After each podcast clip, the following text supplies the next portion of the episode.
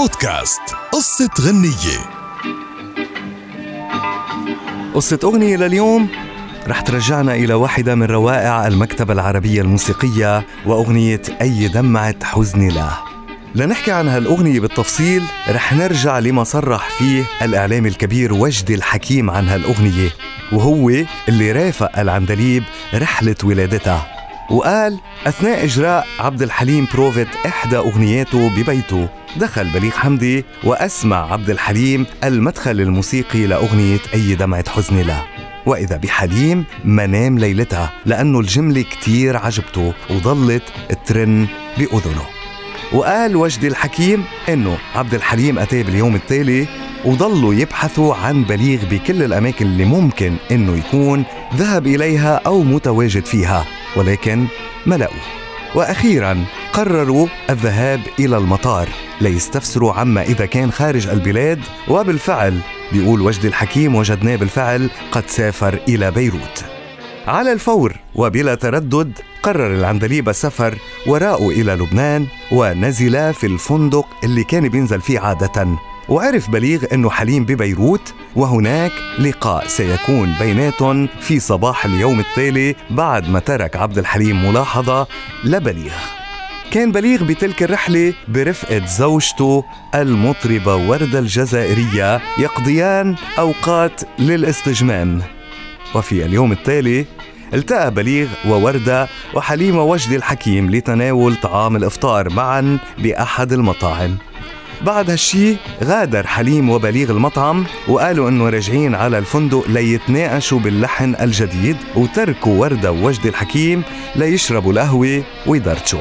ومضت ساعة واثنين وثلاثة عبد الحليم وبليغ ما رجعوا. تأخر الوقت فقررت وردة العودة إلى الفندق ورجع مع وجد الحكيم بطبيعة الحال. ولكن المفاجأة اللي أذهلت وردة وأغضبتها بشدة من عبد الحليم تحديدا هي أنه أخذ بليغ وعاد به إلى القاهرة ليستكمل هذه الأغنية ويسجلها. حزمت وردة حقائبها وعادت إلى القاهرة وهي أكيد تلقي بكل اللوم على حليم اللي قطع إجازتهم وفترة استجمامهم. أيضا غضب وجد الحكيم من عبد الحليم وبليغ وقرروا أنه يقوموا بعمل مقالب فيهم من هذا النوع.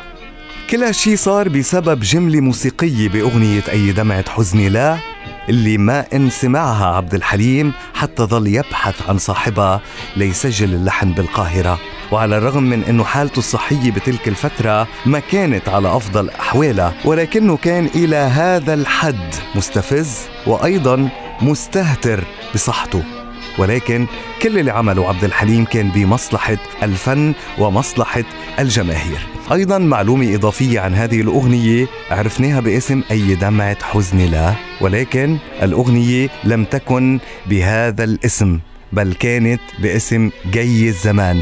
وحتى أنه عبد الحليم عمل مطبوعات وكلفته 15 ألف جنيه. إلا أنه زوجة الشاعر نصحت عبد الحليم وقالت له إذا بتخليها أي دمعة حزن لا بيكون أحسن.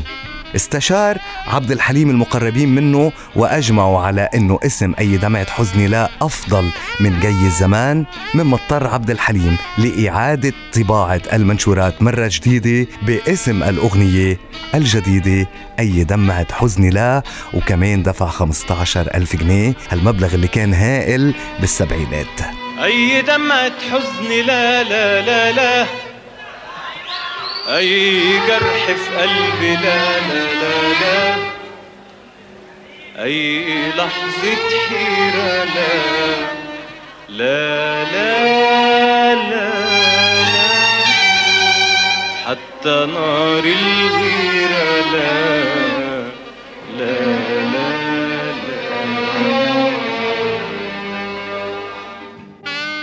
هذه كانت قصة أي دمعة حزني لا واحدة من روائع العندليب عبد الحليم حافظ. بودكاست قصة غنية.